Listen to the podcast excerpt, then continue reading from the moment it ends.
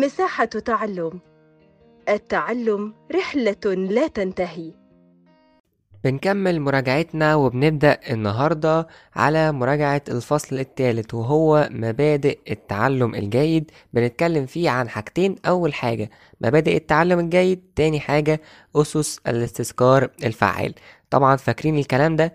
يلا بينا نمر كده إيه مرة سريعة على مبادئ التعلم الجيد. طبعا عارفين. إن في دلوقتي التعلم الجيد دوت ليه شوية حاجات. هما متقسمين لأول حاجة الدافعية تاني حاجة التعزيز تالت حاجة الممارسة والتعلم رابع حاجة الدور الإيجابي للمتعلم خامس حاجة قابلية التعلم للانتقال. ناخدهم حاجة حاجة ونفتكرهم ويلا بينا نبدأ. الدافعية. طبعا من مبادئ التعلم الجيد انه يكون فيه دافعية. يعني مثلا لما الحيوان شفناه في ال في ال في ال في التجارب اللي فاتت إن الحيوان اعتمد على وجود دافع زي مثلا دافع الجوع. وما كانش ممكن إن ال- الحيوان يتعلم من غير وجود الدافع ده. يعني معنى كده إن التعلم عند الإنسان يرقى من مجرد الدوافع البيولوجية الفسيولوجية لتشمل الدوافع الاجتماعية زي مثلا الحاجة لتقدير الذات الحاجة للإنجاز الحاجة للاكتشاف. يعني معنى كده طول ما كان الإنسان عنده دافعية كبيرة طول ما قدر إنه يتعلم وطول ما قدر إنه يطور من نفسه. جميل جدا. تاني حاجة عندنا كانت التعزيز. التعزيز هنا زي ما شفنا كده مع مع الكلب وبافلوف إن بدأ إن هو يعزز المثير الشرطي والاستجابة الشرطية. برافو. والاستجابة الطبيعية. حلو جدا. فأولا في تعلم بالتعزيز الموجب وتعلم بالتعزيز السالب. التعلم بالتعزيز الموجب دوت يتعلم الحيوان في كثير من التجارب اعتمادا على هذا المبدأ وهو التعلم باستخدام المكافأة. تمام؟ ويسهل ويسرع من عملية التعلم. يعني دلوقتي لما تبدأ إن أنت تشجع ابنك فيبدأ إن هو يعني ياخد إيه يتعلم أكتر. في حاجة تانية اسمها التعلم بالتعزيز السلبي ودوت إيه لما الشخص يحرم الشخص المخطئ تمام من شيء بيحبه ويوجه انتباهه لأخطائه علشان يتجنبها. فن- فنحن مثلا لما نن... لما نيجي نقول مثلا كلمة معينة تمام؟ فيبدأ المدرس بتاعنا يقول لنا إيه؟ لأ خد بالك الكلمة دي متقالش كده.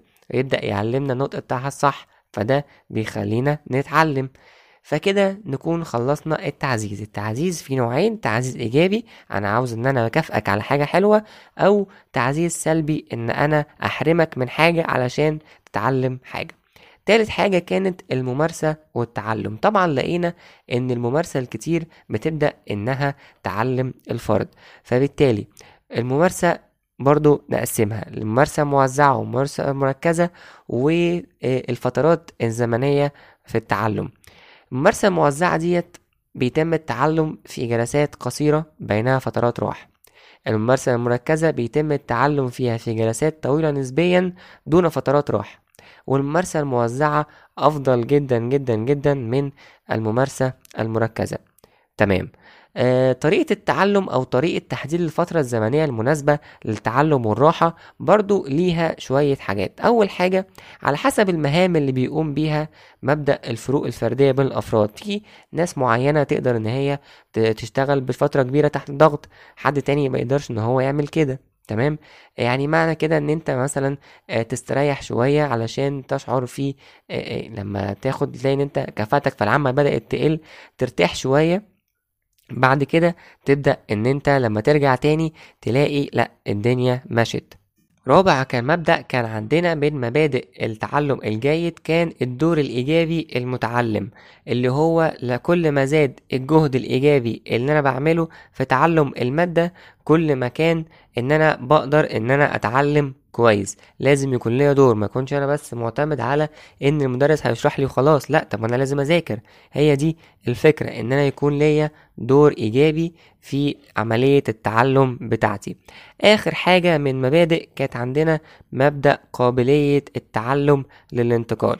بتزداد كفاءة التعلم. لو أنا دلوقتي ببدأ إن أنا آه، بعلم موضوع معين وب- وببدأ إن أنا أشرحه مثلا فده بيكون ليه أثر كويس. لكن مش هو دوت المعنى بتاع آه، انتقال قابلية التعلم عشان لو جات لنا في الاختيارات مثلا أو حاجة.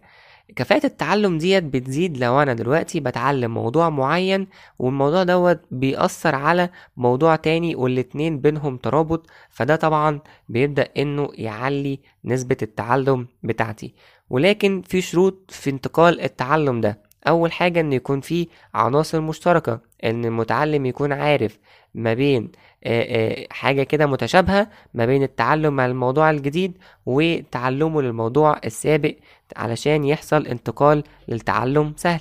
تاني حاجة إن يكون في فهم برضه والفهم دوت يعتمد على إدراك علاقات التشابه واستبصارها. وبكده نكون خلصنا مبادئ التعلم الجيد. يلا بينا ندخل على الجزئية التانية اللي كانت أسس الاستذكار الفعال.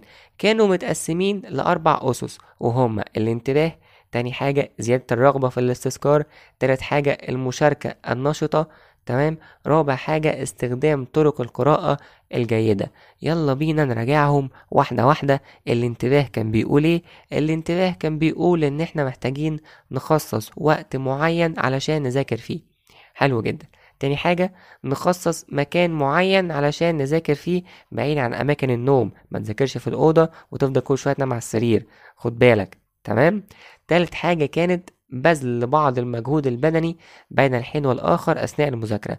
طول ما أنت قاعد عايز تذاكر كده آه لكن كسلت وهمت وعايز أنام مش عارف إيه لأ فوق فوق فوق يلا فوق قوم العب رياضة اتمشى العب ضغط اعمل أي حاجة تمام؟ علشان تبدأ إن أنت ترجع تاني. اتفقنا؟ رابع حاجة كانت التدريب على الاستذكار في الظروف المتغيرة. حاول تغير الظروف باستمرار. تمام؟ آخر حاجة التخلص من المشكلات النفسية قبل المذاكرة دي كانت من ضمن أو هو ده كان الانتباه اللي من أسس الاستذكار الفعال. تاني حاجة عندنا كانت زيادة الرغبة في الاستذكار. حاول إن أنت تعلي الرغبة بتاعتك. هيحصل إزاي؟ عن طريق إن أنا أفكر في الأهداف بتاعتي. التفكير في الأهداف التي يسعى لتحقيقها من التعلم. لما أنا أتعلم حاجة ديت هستفاد إيه؟ لما أنا أذاكر إيه إيه العائد اللي هيجيلي بعد كده؟ فأبدأ إن أنا أفكر نفسي بده فده هيخلي لي عندي في زيادة في الرغبة. تمام؟ آخر حاجة أو تاني حاجة التنافس مع الذات بأن يحدد لنفسه مستوى يسعى لتجاوزه. بص بقى أنا النهاردة هقعد أخلص تلات فصول مع بعض. لا لا تلات فصول كتير. لا إن شاء الله هخلصهم وأقعد بقى بيني وبين نفسي كده وأتنا- وأنف- أتنافس معايا. أنا هخلص النهارده التلات فصول دول. طيب تمام. ربنا يعينك. عيش يا معلم وبالتوفيق إن شاء الله. آخر حاجة هتكون تخصيص وقت محدد للانتهاء من الاستذكار أنا إن شاء الله هخلص يعني هخلص اللي عليا دوت في الوقت الفلاني. أتشقلب بقى لازم أتشقلب وأخلص الوقت ده. ده طبعا هيعلي عندي الرغبة في المذاكرة. تالت حاجة المشاركة النشطة. وهنا بيكون الاستذكار نشطا ايجابيا أو نشاطا ايجابيا عن طريق إيه؟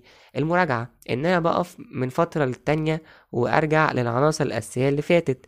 تاني حاجة كانت تدوين المذكرات. إن أنا أبدأ إن أنا ألخص اللي أنا قريته أو ألخص اللي أنا سمعته أو ألخص اللي أنا ذاكرته وبحاول إن أنا أسأل نفسي وأجاوب وكل الكلام ده. وهو ده اللي إحنا بنعمله دلوقتي خد بالك إن إحنا دلوقتي بنعمل إيه؟ بنعمل مراجعة نهائية أو بنعمل مراجعة على الحاجات اللي فاتت.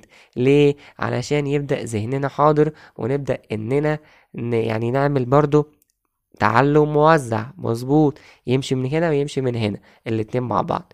آخر حاجة من ضمن أسس الإذكار الفعال كانت استخدام طرق القراءة الجيدة. دوت عن طريق إيه؟ عن طريق استعراض المادة استعراض عام قبل الدراسة التفصيلية.